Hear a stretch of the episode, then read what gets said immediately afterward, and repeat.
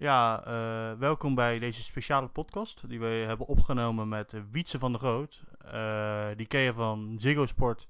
Daar is hij presentator van meestal Engelse voetbal. We hebben een heel leuk gesprek met uh, Wietse gehad, waarom we onder meer over de, het nieuwe seizoen gaan praten, wat zijn verwachtingen zijn en een leuk quiz aan het einde en veel luisterplezier. Dankjewel voor het luisteren alvast en vergeet niet te abonneren op social media. kan op podcast, laagstreepje Twitter, podcast road op Instagram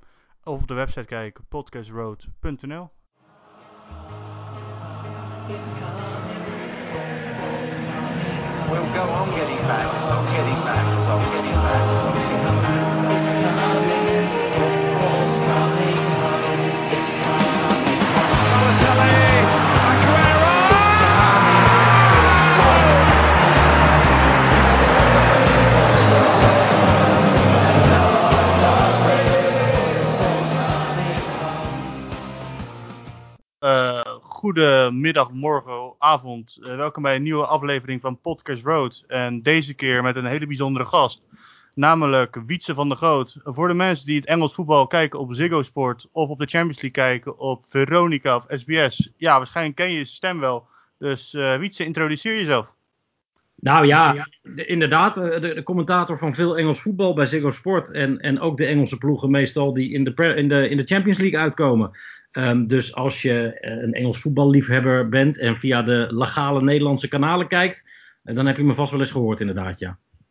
Oké, okay, ja, om even een beetje... Uh, ook, wij, wij vinden het ook interessant om te weten van, ja, hoe word je nou voetbalcommentator of presentator? Hoe ben je eigenlijk in dat wereldje terechtgekomen? Nou, ik heb journalistiek gestudeerd in, in Utrecht en ik heb ook de mazzel dat mijn vader ook in de media werkte al.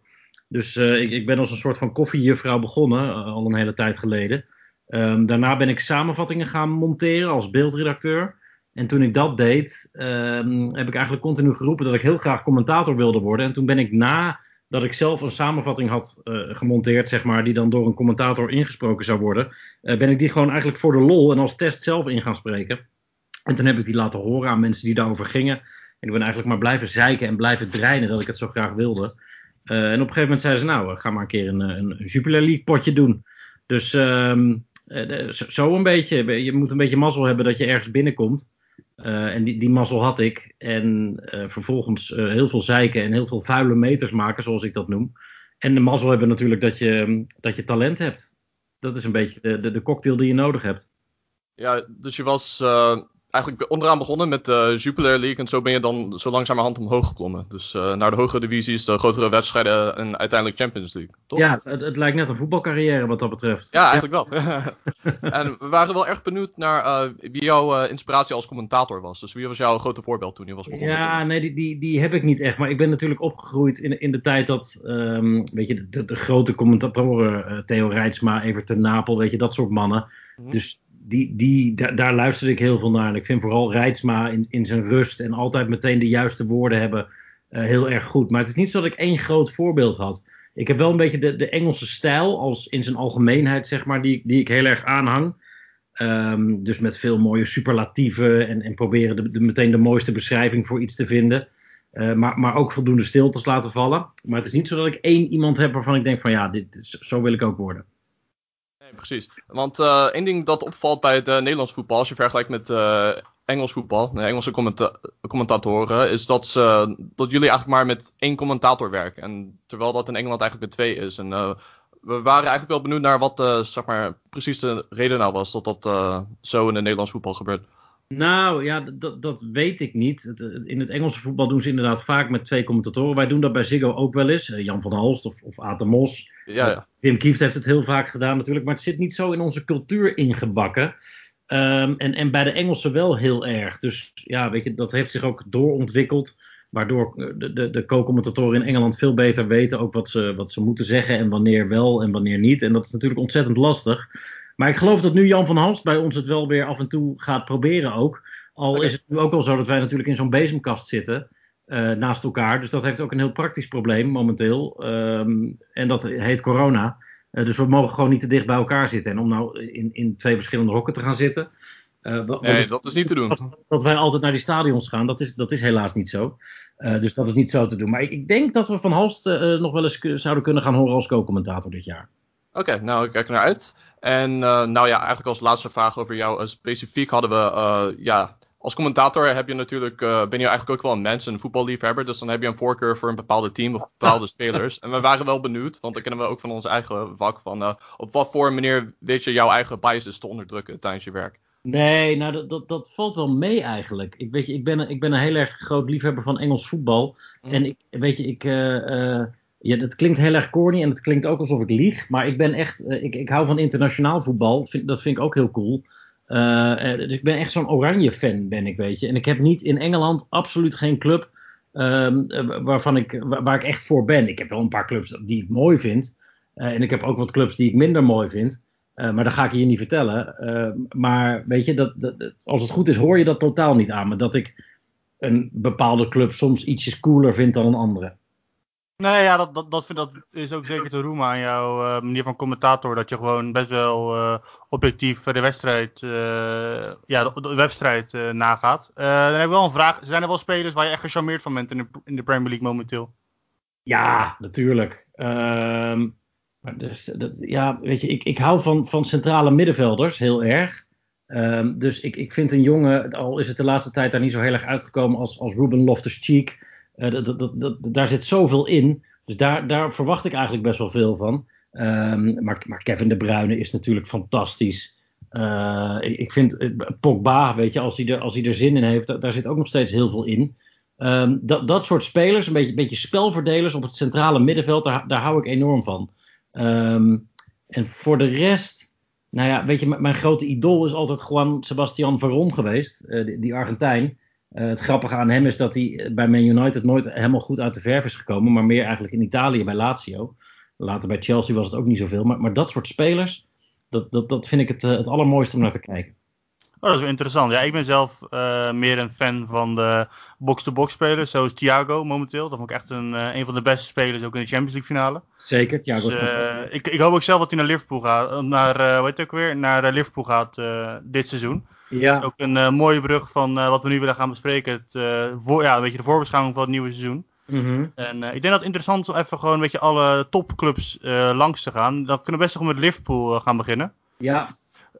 en de kampioenstrijd. Dus ja, Liverpool, kan het elftal van Liverpool zo dominant blijven spelen als afgelopen jaar? Nou ja, dat is een van de grootste vraagtekens van het nieuwe seizoen eigenlijk. Um, ik heb het gevoel dat het wel eens moeilijk zou kunnen worden. En ik heb ook het gevoel dat het aantrekken van Thiago daar een enorm beslissende rol in zou kunnen spelen. Om, omdat je, kijk, ze hebben nu alleen Tsimikas gehaald als soort van understudy voor Robertson. En voor de rest is de selectie gewoon hetzelfde gebleven. En Klopp, die zweert erbij dat deze ploeg hongerig genoeg is om het uh, net als vorig seizoen weer te doen. En vorig seizoen was natuurlijk magisch. En er sloop ook echt iets in die ploeg. Uh, dat, dat, dat, het, dat het niet mis kon gaan. En het seizoen daarvoor waren ze ook al zo sterk.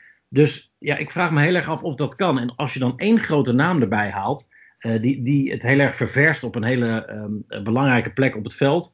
In, de persoon van Thiago, wat natuurlijk een fantastische middenvelder is, die het tempo op het middenveld ook omhoog zou kunnen krijgen. En dat is een van de problemen ook toch wel soms bij Liverpool als het even niet loopt. Is dat er te weinig aanvoer van het middenveld komt naar uh, de jongens voorin.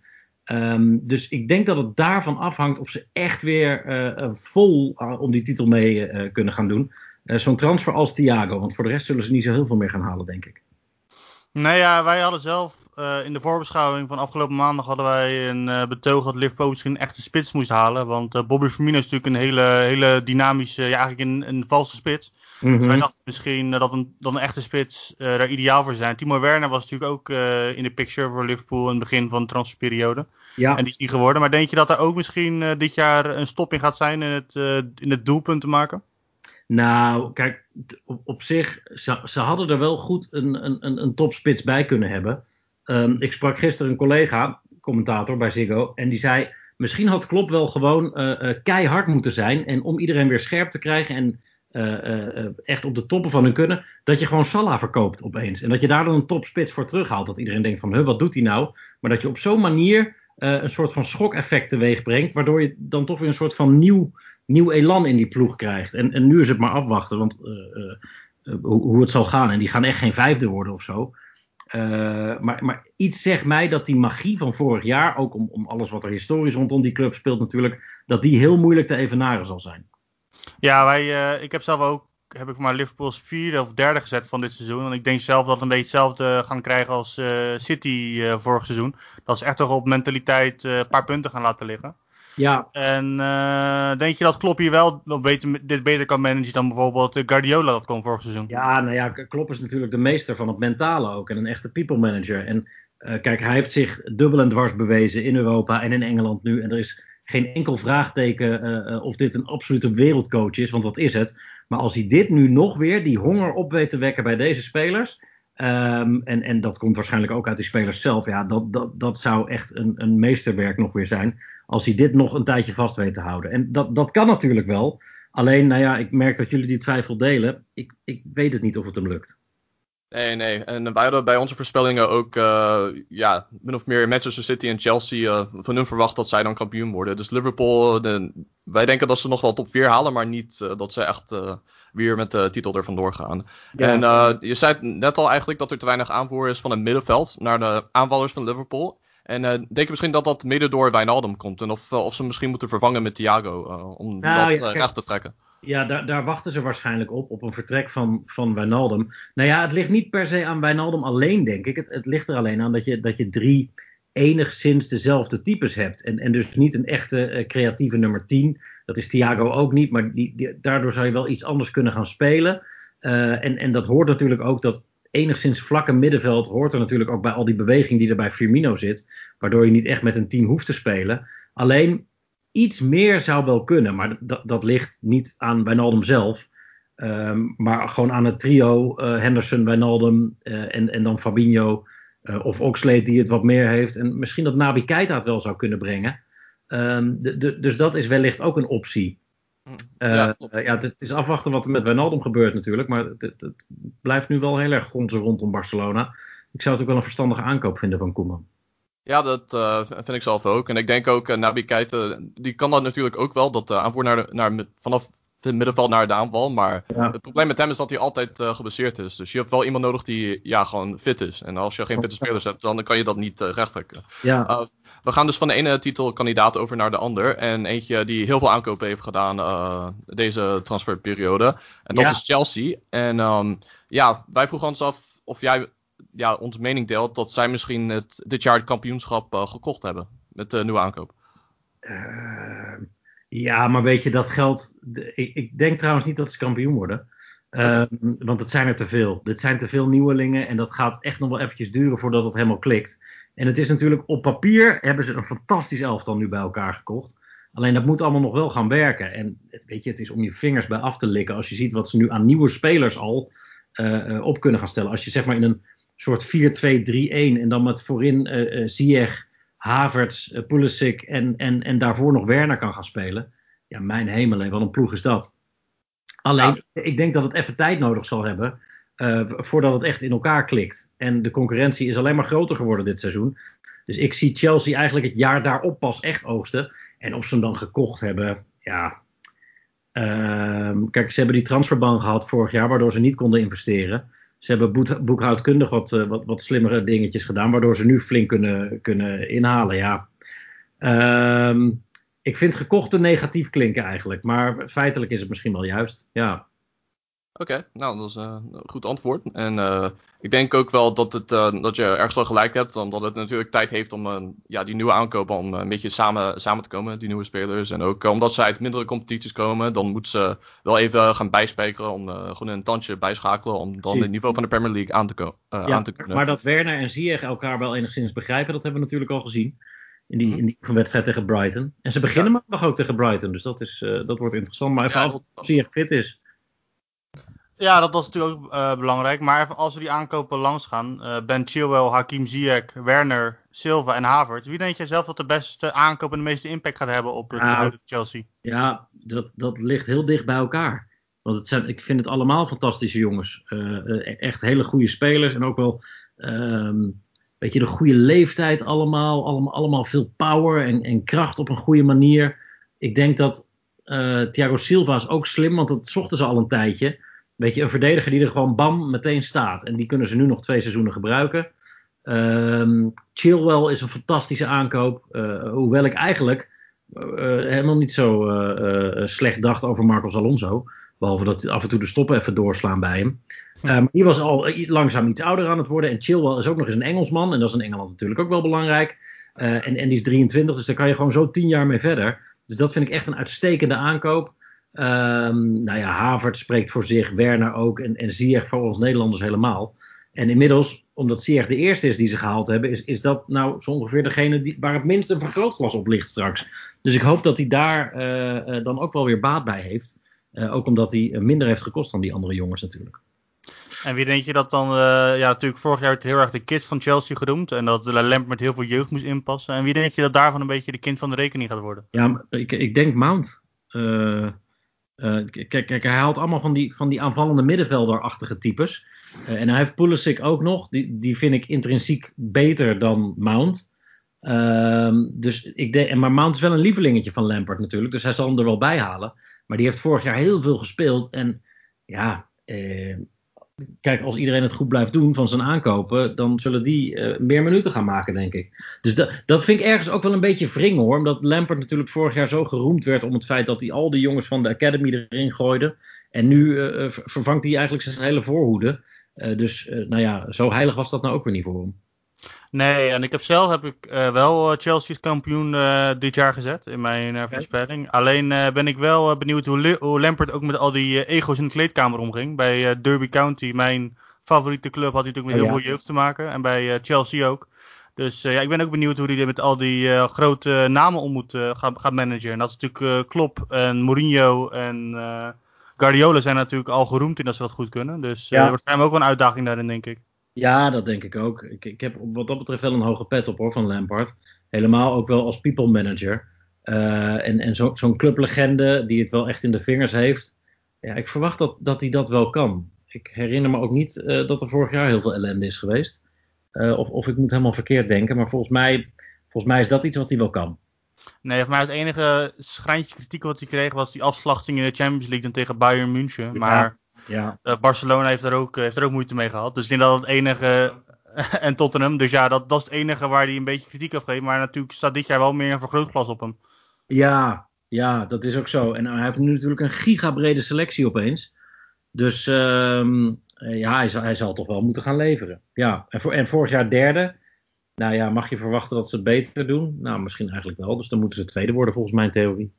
Ja, precies. Dat zou, dat, dat zou denk ik een mooi doel zijn. En dan dat jaar daarna echt voor het kampioenschap gaan. Ja. Dan gaan we denk ik uh, even naar het derde team. En dat is uh, Manchester City. En uh, zou het afgelopen seizoen lang nadreunen in het Etihad Stadium. Dat ze gewoon allemaal net niet hebben gehaald. Nou, nee, dat denk ik eigenlijk niet. Omdat er uiteindelijk best wel veel gewoon duidelijk is bij City. alleen ja, Guardiola had het natuurlijk volledig mis tegen Lyon. En, en dat zal misschien het uh, grenzeloze vertrouwen uh, van de spelers in de trainer wel enigszins schaden. Maar ik denk dat dat beperkt blijft tot Europa. Um, en het was natuurlijk, ja, Guardiola heeft dat wel vaker gedaan, dat hij dingen een beetje overdenkt en het dan verkeerd doet. Um, maar uiteindelijk speelde City aan het einde van het seizoen verreweg het beste voetbal ook. En, en ze hebben zich nu niet echt gigantisch versterkt. Ferran Torres en Ake zijn erbij gekomen en David Silva is weg. Uh, maar, maar over de gehele breedte, ja, ik denk dat City kampioen wordt. Uh, ook omdat, denk ik, daar, door alles wat er vorig seizoen is gebeurd, uh, de honger juist weer heel erg groot is geworden. Ja, precies. En ik ben zelf ook van de mening dat City kampioen zullen worden. naast David Silva zijn ook Leroy Sané en Claudio Bravo vertrokken bij, bij, de Citizens. Ja, Sané heeft natuurlijk vorig jaar niet gespeeld. Dus dat, ja, precies. die was al weg, ja. En uh, ja, het is natuurlijk wel zo dat, uh, dat Laporte, dat uh, hij het steeds ja, moet dragen, die verdediging. Want ja, ja. de linksbacken, daar hebben ze niet echt een vaste speler voor die consistent goed speelt. Ze hebben het geprobeerd met Angelino, met Benjamin Mendy, met uh, Zinchenko, die eigenlijk een middenvelder is, die daar ook heeft gespeeld. Dus ja, het wordt wel tijd om dan daar gewoon een vaste speler neer te zetten. wellicht kan Nathan Ake dat. Hij is een linksbenige centrale verdediger die ook op links als linksback kan functioneren. Ja. Maar um, eigenlijk hebben ze dan, uh, ben ik uh, van de mening dat, uh, dat ze een leider in de verdediging nodig, nodig, hebben. En dat Laporte wel een goede verdediger is, maar hij heeft niet zo'n leiderschapsuitstraling. Dus nee, misschien, ze worden de hele tijd in verband gebracht met Koulibaly. Misschien is dat wel een oplossing voor, daarvoor. Ja, dat vind ik een geweldig goede verdediger, maar ik weet niet of het een leider is. Um, dus ja, ik ben, ik ben daar heel benieuwd naar. Maar ik, ik zou zeggen dat een verdedigingsduo Koulibaly-Laporte de boel wel redelijk overeind zou kunnen houden. Ja. Beter dan wat er nu. Uh, kijk, hij heeft natuurlijk. En dat is wel raar voor een club die zoveel geld heeft, natuurlijk. Uh, en hoe ze het dan ook uitgeven en of het eerlijk is of niet. Maar dat hij zoveel geld uitgeeft aan verdedigers. En dat hij dan uiteindelijk met Fernandinho het seizoen eindigt daar. terwijl die Otamendi en, en Stones natuurlijk allebei zelf heeft gehaald. Ehm, toch? Ja, Otamendi ook volgens mij. Uh, en, en, en Eric Garcia, ja, die, ik las daarover dat hij die misschien toch echt wel wil gaan houden aan zijn laatste jaar van zijn contract. Um, dus uh, misschien, misschien is dat een optie. En dat, kijk, die wordt enorm geroemd, hè, die Garcia, ook om zijn intelligentie. Uh, en dat hij pas 19 is en zijn trainerspapieren al aan het halen is. En dat hij echt ook meedenkt met, met de trainerstaf. Um, dus misschien dat, dat Garcia met Laporte, dat dat wel de juiste combinatie is.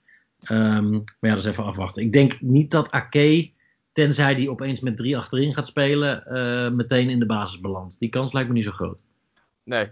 En um, je, je, noemde het net al eigenlijk over John Stones. Uh, wat vind je ervan dat hij nog uh, voor zijn kansen wil gaan? Denk je dat dat misschien mogelijk is? Of dat hij misschien verstandiger voor hem is om nu te vertrekken? Want met Ake heb je nog een linksbenige centrale verdediger. En dat is eigenlijk wat hij ook is. Dus dat geeft hem dan minder kansen dit seizoen. Ja, nee, weet je, ik denk dat het met, met, met Stones wel, uh, wel klaar is eigenlijk bij City. En dat hij blijft, um, ja, ik, ik, zou me heel elders zoeken. En misschien uh, kiezen voor uh, terugkeren naar, naar, naar Everton of zo. Al schijnen die weer met Tomori bezig te zijn van Chelsea om die een jaar te huren. Um, overigens is Stones wel rechtsbenig, hè, volgens mij, toch? Ja, hij is linksbenig. Is dat zo? Oké. Okay. Ja. Nou, ja. Uh, Nee, ja, dan hebben ze met Ake dat, dat natuurlijk opgevuld. Ik denk dat, nou ja, goed, maakt niet uit. Uh, ik, ik, denk dat, dat voor de carrière wel, uh, wel redelijk voorbij is uh, bij City. Ja, dat zit wat in. We, we, waren zelf ook benieuwd naar wat het doel van Guardiola is dit seizoen. Want ze zijn natuurlijk heel vaak kampioen geworden. En ze hebben vaak de beker gewonnen, dus de FA Cup en de League Cup. denk je dat hij dit seizoen gaat inzetten op de Champions, Champions League? Of denk je dat hij voornamelijk ja, gewoon op ja, titel afgaat, de Premier League? Nou, die vraag is hem natuurlijk heel vaak gesteld en hij geeft altijd hetzelfde antwoord en dat is alles. Uh, hij zet op alles in en hij zegt, uh, uh, zijn theorie is ook dat je, um, als je je op één toernooi concentreert, dat het dan in het andere sowieso misgaat. Kijk, het kan natuurlijk wel, die dubbel. Nou ja, kijk, kijk naar Bayern, kijk naar andere ploegen. die, die, vaak worden ploegen ook wel kampioen die de Champions League winnen. Dus het, het kan gewoon allebei. En helemaal als je aan het einde van het seizoen in zo'n goede flow zit, dat je alles blijft winnen de vraag is niet uh, wat de prioriteit heeft natuurlijk. Want als je het aan de eigenaren en aan Guardiola en aan de selectie zelf vraagt, willen ze natuurlijk tien keer liever de Champions League winnen dan de Premier League. Uh, al, al, zal hij dat wel heel graag gelijk op willen laten gaan, denk ik. Maar de, de prioriteit zal Champions League zijn, absoluut. Oké, okay, nou, uh, ik denk dat we veel kunnen verwachten van City dit seizoen. En ja. dus van de ene club in Manchester gaan we over naar de ander, Manchester United. Ze hebben natuurlijk uh, Donny van der Beek gehaald, eigenlijk als enige aankoop. Terwijl uh, veel mensen dachten dat ze Sancho, Jadon Sancho van uh, Borussia Dortmund al lang binnen zouden hebben. Maar ja. dat laat nog even op zich wachten. Wat, wat, denk je eigenlijk over hun? Denk je dat Van der Beek dat het wel een goede aankoop is en dat hij meteen in de basis zal staan? Of dat hij ja. genoeg moet nemen met een plek op de bank? Nou ja, vooropgesteld hoop ik dat hij natuurlijk een gigantische impact gaat hebben. bijna à la Bruno Fernandes. Uh, maar daarmee noem je natuurlijk ook meteen een van de, uh, van de grote concurrenten voor Van der Beek. En, en er wordt dan meteen allemaal gepuzzeld al door mensen die dan zeggen Pogba, Van der Beek en Fernandes. Nou, vraag ik me af. Ik denk dat je wel één uh, controleur daarbij nodig hebt. Als je zo speelt. dus dat je dan, ja, Matic deed het natuurlijk heel goed in de tweede seizoenshelft. Ja, dat klopt. ik, denk, ik denk dat je één zo'n type uh, Matic, McTominay, Fred, uh, nou, die zou nog kunnen vertrekken. Dat, dat, je zo iemand nodig hebt. Naast dan Pogba en Fernandes of uh, Van der Beek en Fernandes. Dus hij heeft dan eigenlijk drie spelers voor twee posities in mijn optiek. En United gaat natuurlijk ontzettend veel wedstrijden spelen volgend jaar. En Van der Beek gaat echt wel heel veel ook in de basis starten. Dat kan haast niet anders. Of hij de echte grote wedstrijden al, Liverpool, City, latere fase Champions League, of hij die in de basis gaat starten in zijn eerste seizoen dat hoop ik, maar ik, ik, denk dat Fernandes en Pogba inmiddels toch wel uh, genoeg krediet hebben. En dat Van der Beek ook even de tijd krijgt om echt uh, te kijken waar hij nou beland is. Ja, dat uh, moet dan misschien nog even op zich laten wachten. voor de luisteraars thuis die het niet weten, um, Bruno Fernandes die kan ook op rechts spelen, daar speelt hij voor Portugal. Dus de kans bestaat dat je met die vier middenvelders met Matic, Pogba, Bruno, uh, Donny van der Beek en Bruno Fernandes allemaal in de basis uh, kunnen spelen. Alleen Ja. de vraag is, zou uh, Solskjaer zou hij dat aandurven met, meteen om dan uh, Bruno dan ineens op rechts te zetten, terwijl hij het uh, als aanvallende middenvelder heel goed heeft gedaan. Nou ja, precies. En, en voorin klikt het ook wel redelijk met, met Greenwood, Martial en Rashford. Dus dat, dat kan hoor, dat hij daarmee schuift. Maar Fernandes is natuurlijk de revelatie van het seizoen geweest uiteindelijk. Een, een, beetje zo optienig. Um, dus ja, ik, ik, ik, weet niet of hij daarmee gaat schuiven. Dan moet Donny het echt heel goed doen. Dat, dat zou een groot compliment zijn als hij Fernandes naar de rechterkant krijgt. Dat zou zeker zijn, maar bij United zijn natuurlijk ook een beetje interne problemen. Uh, natuurlijk onze grote vriend um, Harry Maguire, die uh, problemen heeft met de Griekse, met de Griekse autoriteiten, het even zo zeggen. Ja. En uh, Mason Greenwood nu, die beticht wordt dat, dat mensen uit IJsland, meisjes uit IJsland op zijn hotelkamer te hebben. Denk je dat het ook invloed gaat hebben op de kleedkamer? Nou, nee, dat denk ik niet, want in Engeland zijn ze wel wat gewend natuurlijk. Uh, ik denk dat ze er hoogstens wat stik uh, om krijgen van hun, uh, van hun collega's. Ja, weet je, ik heb het idee dat, het, dat, dat Maguire gewoon heel dom is geweest, maar dat hij niet. ik denk niet, niet dat hij heeft geroepen: fuck the Greek civilization, zoals door die agenten wordt beweerd. ja, volgens mij is Maguire niet een, een traditionele Engelse jongen à la Gascoigne, zeg maar die uh, totaal uh, laveloos daar tekeer is gegaan. Um, maar goed, dat, dat, dat weten we natuurlijk niet hoe dat echt is gegaan, want er zijn verschillende verhalen over. En Greenwood is natuurlijk ongelooflijk dom geweest. en, en natuurlijk is hij nog piepjong, maar reken maar dat ze de hele week in Engeland bij die ploeg bezig zijn geweest met inpeperen bij die spelers hoe belangrijk het allemaal is. Hij heeft van dichtbij gezien hoeveel maatregelen er genomen moeten worden om die wedstrijd überhaupt te kunnen spelen. Um, dan mag je zelfs van iemand van 18 verwachten dat hij niet dit soort fratsen gaat uithalen. En natuurlijk, kijk, ik vind het ook wel wat van de romantiek van het voetbal hebben. En de anekdotes van Gullit en Kieft en de regenpijp en stiekem vrouwen in de hotelkamers en zo. Dat is allemaal leuk, maar niet in deze situatie. Dat vind ik echt heel dom. Ja, zeker met corona. Uh, dan ook is Ole Gunnar Solskjaer de juiste man om United een titel te bezorgen. Op de lange termijn dan. Ja, nou, op, op basis van de tweede seizoenshelft zou je zeggen van wel.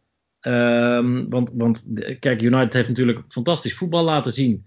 Um, ja, dus ik, ik zou hem daar wel de tijd voor geven. En je, ziet dat hij toch ook wel. Kijk, het is niet zo dat hij uh, een heel duidelijk profiel heeft als trainer. Um, maar ja, bedoel, hij heeft, het, heeft het goed neergezet en het loopt. En ik zou niet weten ja, of, of je dan nu Pochettino in moet vliegen daarvoor of zo. Volgens mij is, is Solskjaer wel goed aan het bouwen daar. Ja, wij, wij zijn er zelf ook van mening. De laatste vraag over United dan. Uh, de grootste revelatie, uh, naar mijn mening, was Dean Henderson. Die niet bij United speelde vorig seizoen, maar bij Sheffield United als keeper. Ja, ja. Denk je dat uh, Dave, David de Gea bang moet zijn voor zijn basisplaats? Dat zou ik wel zijn als ik hem was, ja. Kijk, Henderson is, is, is een, een eigen jongen, zelf opgeleid. De Gea heeft enorm veel kritiek gehad natuurlijk en een paar gigantische blunders gemaakt. Um, ja, dat, eigenlijk is het wel lastig. Want kijk, als Henderson op de bank belandt, misschien dat hij daar een jaar genoegen mee neemt. Uh, maar die zal niet blij zijn dan. En als de GA op de bank belandt, ja, dan gaat hij weg, lijkt me. Dus uh, dat, dat wordt wel een hele interessante situatie. Ik denk dat hij gewoon met de GA gaat starten nog. En dat hij gokt op, uh, op het geduld van Henderson. Uh, maar, maar die heeft natuurlijk echt geweldig gekiept vorig seizoen. Dus die kan je een jaar negeren. Maar, maar daarna niet meer, denk ik. Nee, ja, ik denk zelf dat Henderson ook dit jaar een beetje de Romero-rol gaat innemen. En in de Champions League uh, mag keeper waarschijnlijk. En in de alle, beker, alle bekerwedstrijden. Ja, ja, zoiets zal het zijn. En, en dat is misschien wel genoeg voor hem nu. Uh, maar op de lange termijn moet hij de eerste keeper worden natuurlijk. Ja, ik denk zelf ook dat hij uh, de potentie heeft om de Engelse elftal te gaan halen als ja. eerste keeper op de lange termijn. Nou, ik was nog wel redelijk, redelijk ver, verrast eigenlijk dat, dat Pickford gewoon speelde bij Engeland gisteren en, en van de week. Ja, überhaupt. Het Engelse elftal uh, waren veel uh, verrassingen natuurlijk ook. Uh, ze hadden een paar spelers van Leeds United die niet eens een Premier League debuut gemaakt hebben. Mochten starten. Ja, mooi dus man. het, het is wel interessant. Dat, ik vind het wel mooi hoe Southgate lekker aan het experimenteren is. en ik ben benieuwd waar het ook gaat eindigen. Helaas vond ik zelf jammer dat er maar weinig minuten waren van mijn favoriete speler, Jack Grealish. ja, ja, en dat hij er sowieso pas laat bijgehaald werd natuurlijk. Uh, ik, nou, ik deed gisteren een andere wedstrijd, dus ik heb Engeland niet goed kunnen zien. Uh, maar ik las wel ergens dat met, met Grealish in de ploeg er wel meteen weer wat meer uh, show uh, in kwam. En dat het verder niet zo heel veel was, Engeland.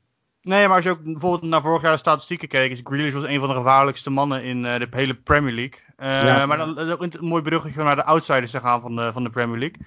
Want hoe groot zijn de dreunen voor Leicester City en Sheffield United, Sheffield United na afgelopen seizoen? Nou, kijk, Sheffield heeft natuurlijk een geweldig jaar gehad. En ik, ik, ik, verwacht niet dat die dat nog een keer op deze manier kunnen doen. Um, Leicester, dat kakte wel echt volledig in. Hè? Dat, dat, dat vond ik ook wel zonde, want dat is een mooie, mooie ploeg. Sympathieke club natuurlijk ook. Uh, ik vind Rodgers ook wel een mooi figuur. Um, maar nou ja, ik denk dat de top 4 dit jaar uit nou ja, de top 4 gaat bestaan. Dus City, United, Chelsea en, um, en Liverpool. Uh, net als dit jaar eigenlijk. En, en dat, dat Arsenal en Spurs uh, daar ook nog wel tekort voor komen. Um, en, en dat het daarachter een beetje aansluiten is. Uh, dus, dus Wolves zit daar natuurlijk ook nog bij. Everton heeft goed ingekocht.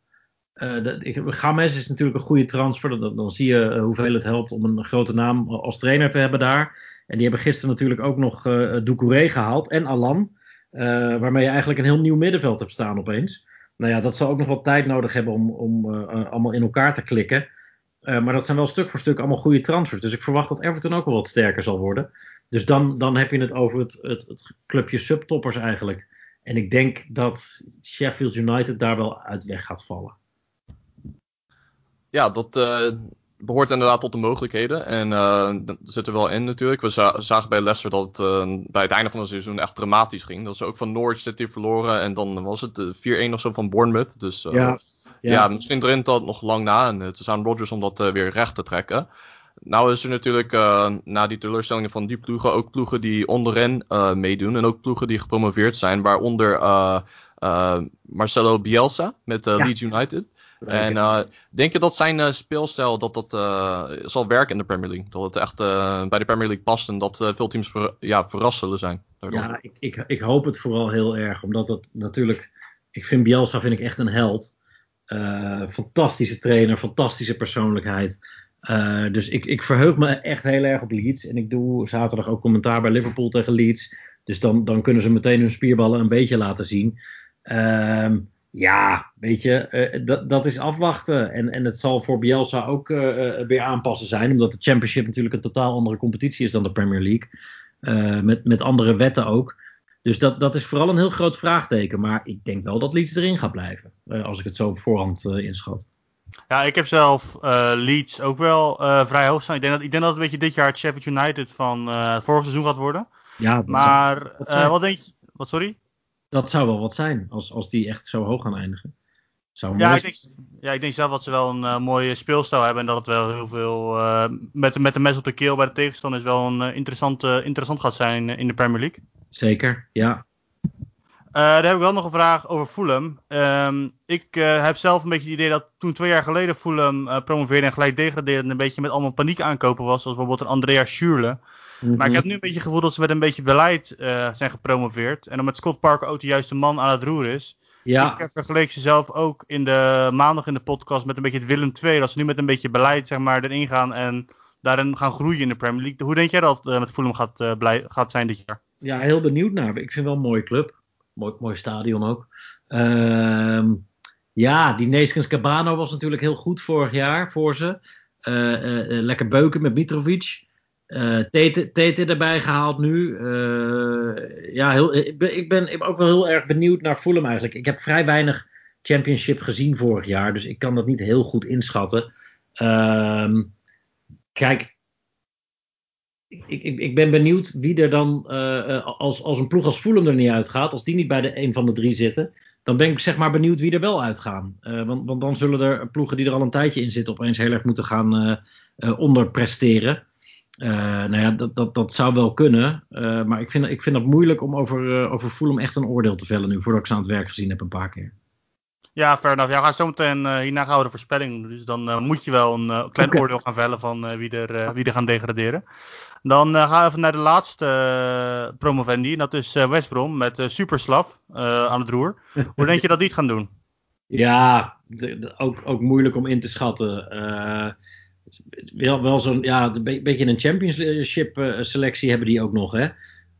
Um, dus ja, ik, dat, ik denk dat het voor, voor West Brom ook lastig wordt. Uh, ja. ja, voor West Brom en Fulham gaat het denk ik heel moeilijk worden om erin te blijven. en Superslav, ja, ik bedoel, die heeft bij West Ham natuurlijk ook met dat bijltje gehakt. En daar heeft hij het ook wel een jaar heel goed gedaan.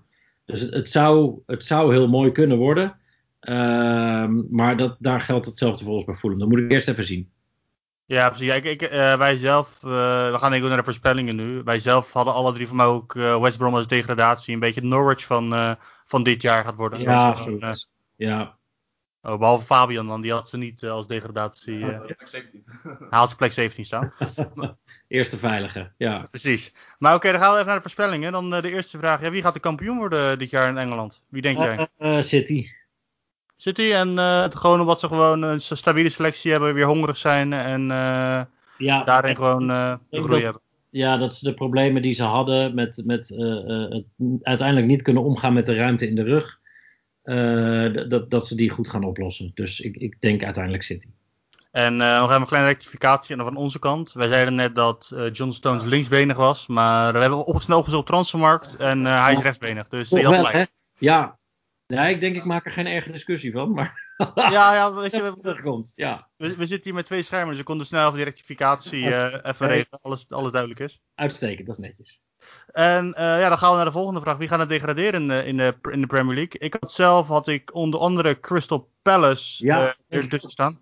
Ja, ja, Palace was vorig jaar natuurlijk aan het einde ook al verschrikkelijk. dat is jammer, want het is een schitterende club. Ehm, ik denk dat, dat Palace eruit gaat. Dat Hodgson misschien ook wel de eerste manager is die, uh, um, die ontslagen wordt. Al zal het wel weer knokken worden met David Moyes. Dus ik denk inderdaad West Brom, uh, Fulham en Palace eruit. West Brom, Fulham en Palace. Ja, ik heb zelf hier uh, West Brom, Palace en Burnley. Ik denk dat ze zelf de... Uh, Burnley. Ja, nee, zeker. Maar dat vind ik een pittige. Want die, die zijn super stabiel natuurlijk. Dus... Ja, maar ik heb het gevoel dat best, een van de beste mannen, Jeff Hendrick, is uh, naar Newcastle gegaan. En ik heb het gevoel dat Burnley en Palace allebei best wel een verouderde tactiek hebben. En dat het dit jaar echt wel uh, de doorslag gaat zijn in het uh, ja. degradatievoetbal. Ja, ja, dat kan natuurlijk een beetje. Bournemouth heeft ook een paar hele goede jaren gehad. En opeens is dat dan klaar. Dus dat zou met Burnley ook het geval kunnen zijn. En dan de volgende vraag is topscorer. Wie denk je dat de topscorer gaat worden dit jaar? Uh, goeie vraag zeg. Zal ik, eens, uh, zal ik voor de lol gewoon uh, Mason Greenwood zeggen? Mason Greenwood, dat is een hele interessant. Ik zei zelf Timo Werner. Dat die het, die oh ja, nou, dat, dat, is, dat, dat, zou ook heel goed kunnen. Ja, ja ik zei Harry Kane, want ik dacht van... ik ben een Arsenal supporter, maar ik weet... Oh, ja? als, hij, als hij fit kan blijven, ik weet hoeveel goals hij kan maken. Dus ik ja. voorspel dat hij topscorer wordt. Ja, mits fit. en wat, september scoort hij nooit, geloof ik, hè? nee, augustus was hij, ja. Augustus, ja. Harry Kane never scores in August. Ja, precies. Dus die, die heeft hij alvast achter de rug. Dus dat is wel fijn. ja, precies. Uh, voor hem komt er perfect uit dan. Ja. En uh, wie wordt er volgens jou de grootste verrassing in, uh, in de Premier League dit seizoen? Um, ja, dan even kijken. Ja, kan een team zijn, een speler zijn, een trainer zijn, kan van alles zijn. Ja, um, de grootste verrassing.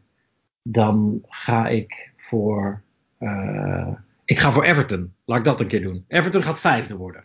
Oké, oké. Dat is wel een uh, gewaagde voorspelling. Maar ze hebben natuurlijk heel veel topaankopen gedaan. Dus uh, ik ben benieuwd wat Ancelotti... Uh... Je moet wel wat geks voorspellen natuurlijk, hè, als verrassing. Anders is het geen ja, verrassing. Ja, en waar een verrassing is, is er ook een teleurstelling. wie gaat dit seizoen enorm teleurstellen, volgens jou? Um, even kijken. De teleurstelling gaat worden... Ehm, Spurs. Spurs gaat, gaat, gaat wederom achtste worden of zo. Is dat, dan een, is dat, dat is wel een teleurstelling, toch? Ja, gaat Mourinho het redden? Want uh, ik weet niet of jij nu ook de documentaire kijkt op, uh, op de on die online staat van uh, Tottenham Till I Die. Nee, ja, ik zit, all, or nothing. all or Nothing. All or Nothing, ja, Sunderland Till I Die. nee, ik zit, ik zit in aflevering 2 nu, dus ik heb nog niet heel veel gezien. ik, weet niet, ik weet niet of ze het kunnen betalen om Mourinho te ontslaan met deze coronacrisis in, uh, in het achterhoofd en het gebrek aan geld en dat peperdure stadion. En Mourinho heeft vast een hele goede clausule in zijn contract. Dus uh, die zal wel blijven zitten. Interessant. Maar of, of hij deze ploeg uh, in de, nou zelfs de top 6 kan krijgen, ben ik benieuwd naar. Nou, ik zie zelfs ik in aflevering 5 nu van uh, All or Nothing. En het is wel interessant om het onderwerkwijze van uh, Mourinho te zien. Natuurlijk was er ook een uh, All or Nothing uh, van City. Het is ook interessant om hoe Pep Guardiola manage. En uh, ik ga niet te veel spoilen, maar het wel, je, je, je ziet wel een verschil in de managementstijl, laat ik het zo zeggen. Leuk. Ja, nee, die- ik moet die van City moet ik ook nog kijken. Maar ik heb dat, dat abonnementje pas deze week afgesloten. Dus ik heb nog een hoop huiswerk. Verstandig. Dan eh, gaan we naar de laatste. Wij hebben een nieuw rubriekje ook in onze podcast. Die heet de Tata Top 3. Met een eh, hele foute jingle van eh, Louis van Gaal Army. Eh, dan hebben we het over de Nederlanders in de Premier League. Er zijn natuurlijk weer heel veel bij. Joel Veldman en eh Tony van der Beek, om even een paar te noemen. Ja. Wie denk je dat het goed gaan doen dit jaar als Nederlanders in de Premier League? Ehm, mogen we Ziyech dan ook gewoon als Nederlander zien? Ja, hè? Ja, Ja, ik denk dat Ziyech het goed gaat doen.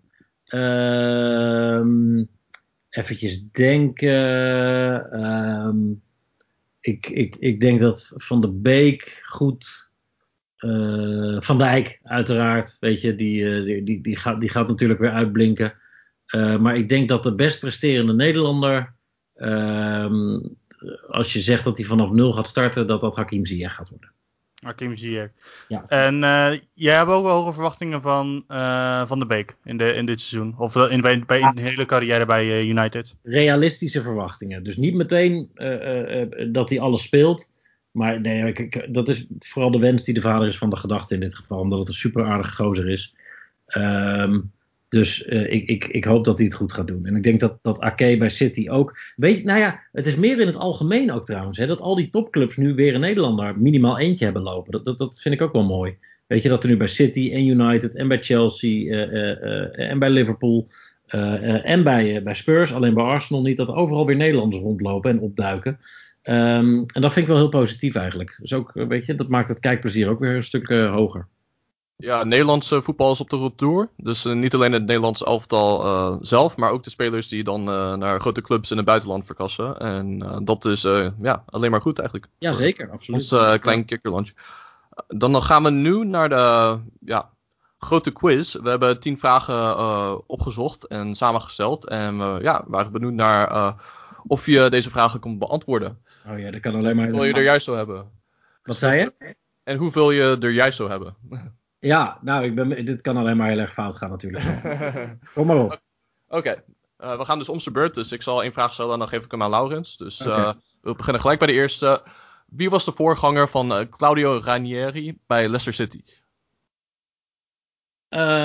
Nigel Pearson. Ja, dat is een eh, juist antwoord. Correct. Nou, het gaat wel lastiger worden dan die, maar deze is ook wel, eh, denk ik wel te doen voor jou. Dat is, hoeveel verschillende trainers had Watford afgelopen seizoen? Vier. Nou, ook correct. Mooi. Oké, twee op twee. Dan gaan we naar vraag drie. Tegen welke club maakte Jurgen Klopp zijn debuut als hoofdtrainer van Liverpool? Oeh. Ehm. Nee, die moet ik gokken. Southampton? Nee, dat was Tottenham Hotspur. Eh, 0-0 was het eh, op eh, White Hart Lane destijds. Oké. En zijn eerste aankoop was ook Steve Calcross, zo, eh, van, eh, Ja, gehuurd, ja. gehuurd. Oh, ja, dat zal niet zijn eh, keuze zijn geweest, denk ik. ja, laat ik zeggen, iedereen maar beginnen fouten. Dan gaan we ook naar de vierde vraag. Welke club was het slechtste Premier League uit de geschiedenis en welk jaar? Dit, doet, dit doet wel pijn in mijn hart. Dan geef ik een kleine, kleine, kleine hint. Oh, ik weet dit. Eh, ehm, eh, God, oh man, waarom kom ik hier nou niet op? Het was echt dramatisch. Was het, was het Derby? Heb je dat? Het- eh, Helaas, ja, was het, helaas was het was Derby, Derby. Ja. Derby County in 2007. Wonnen, wonnen die er drie of zo? Ja, totaal 11 punten gehaald in het seizoen Ja. 2007, 2008. Eh, ook even een kleine opmerking naar Maurits dat hij Derby Country heeft geschreven. Moet ik Oei. even zeggen, een draaiboek. Dat is even, even jammer dit. Ja, Maar dan gaan we naar de, naar de volgende vraag en die is voor eh, Fabian. Oké, vraag 5. Wat is de naam van de voorganger van de King Power Stadium van Leicester City? Dus het een voormalig stadion. Ehm, eh, Filbert Street. Ja, dat is juist. Dus je hebt vier van de vijf eh, goed tot nu toe. En de zesde vraag is: van welke club is Robbie Williams mede-eigenaar? Ja, hij komt uit Stoke. Maar daar is hij geen mede-eigenaar van volgens mij. Dus dan weet ik het niet. Het is Port Vale. Oh, Port Vale. Oké. Ja, nee, wist ik niet. Dan gaan we naar vraag 7. Welke voetbalclub heeft als clublied Marching On Together? Leeds. Ah, een fantastisch nummer, hè. Ja, Ja, zeker. voor- ah, dat is een van de ergste dingen van de coronacrisis. Dat we niet zo meteen bij de eerste thuiswedstrijd van Leeds... eh, Marching On Together op Elland Road eh, met al die mensen gaan zien. Dat, dat dat nog eventjes gaat duren. Dood. Nee, nee, dat is wel echt uh, flink balen dat het zo is. Voor onze luisteraar thuis, uh, luisteraars thuis, als jullie het liedje niet kennen van uh, Leeds United, graag opzoeken op YouTube. Het is ja. echt indrukwekkend om dat te zien onder de sporters. vergelijkbaar met You Never Walk Alone. Ja, hoe ze dat zingen, zeker. En dat is ook het mooie aan Elland Road. Hè? Dat is ook een soort. Kijk, niks is uiteindelijk Anfield. Maar Elland Road heeft ook wel een soort van mythische status in het Engelse voetbal. En dat maakt het ook zo fantastisch dat Leeds weer terug is. Ja, als ik echt een Sleeping Giant Leeds in de jaren 70, ja. 80 was het echt gewoon uh, een wereld, uh, wereldclub. Die gewoon ook in Europese voetbal met uh, Don Revy hebben gespeeld. Ja, en gewoon nog kampioen geworden begin jaren 90. Hè? Dus het is dat Liverpool nu die titel heeft gepakt. Maar dat was een van de clubs die na Liverpool gewoon nog kampioen is geweest. Ja, dat is echt interessant. Ik ben zelf ook natuurlijk Derby County, Nottingham Forest, allemaal Fallen Giants. Ja, precies. Ja, dat, is, dat is ook zo mooi aan Engels voetbal. Is dat er in de, in de Championship zoveel gigantisch grote clubs spelen. En dat er altijd weer een moment komt dat ze weer opduiken op het hoogste niveau. En ik ben, ik ben blij dat het nu Leeds is. Precies. Dan gaan we naar vraag 8. Uh, wie nam kort het roer over bij Arsenal na het ontslag van Unai Emery? Uh, Ljungberg. Correct. Ja, ik als uh, Arsenal sporter zijnde uh, was verbaasd dat dat uh, gebeurde. Maar Jungberg heeft wel een aantal dingen goed gedaan. ja, discipline, dus Eusiel toen hij ja. ja boos van het veld afging, dat hij hem even heeft toegesproken. Dus ik denk dat hij wel een goede ja, overbruggingsmanager was naar Arteta. Dus, vind, vind, jij het niet heel vervelend dat, dat in... Kijk, we bespreken nu bijna het hele seizoen voor. Mm -hmm. en, en, en Arsenal is niet eens een factor. dat, dat moet toch voor een Arsenal supporter een heel naar gevoel zijn, of niet? Ja, dat uh, zou je denken, maar ik vind het eigenlijk beter. Want juist met de underdog-rol uh, hebben ze het steeds beter, ge, uh, beter gepresteerd, heb ik gemerkt. Ja. Dus ook dit seizoen, ja, niemand had verwacht dat ze zelfs Sheffield United uit de beker zouden gooien. Ze wonnen uit bij Sheffield, toen wonnen ze op Wembley Stadium van Manchester City. En die hadden nog, de eigenaren van City hadden nog voor de finale dag van die finale diezelfde hotel geboekt.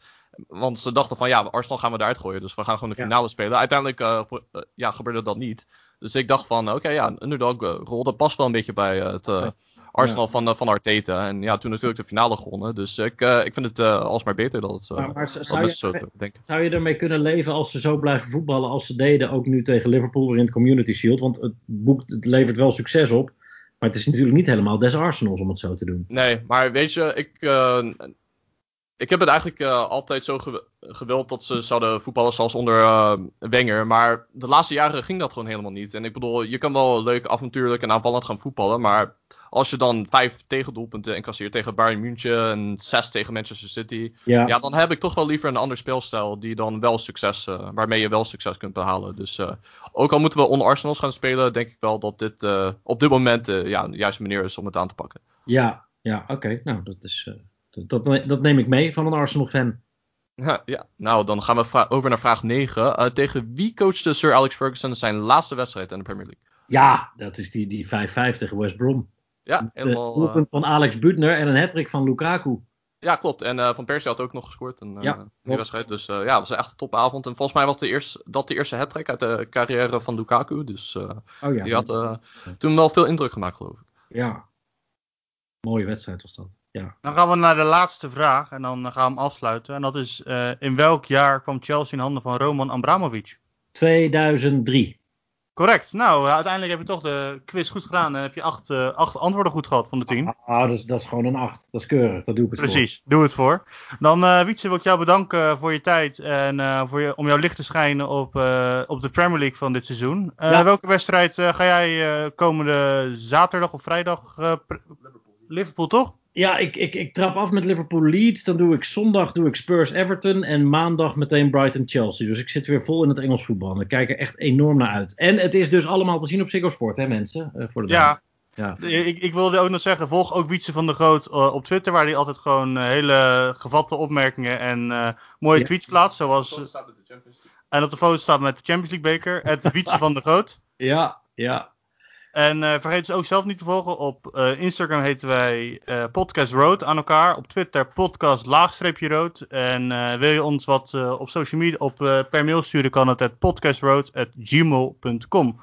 En de website hebben ze kort podcastroad.nl. En Wietse wil ik je bedanken voor je tijd. En ja, laten we hopen op een mooi seizoen dit jaar. Ja, zeker. Jullie ook bedankt voor de interesse, jongens. En succes met de podcast ook. Dankjewel. Dankjewel. Tot ziens.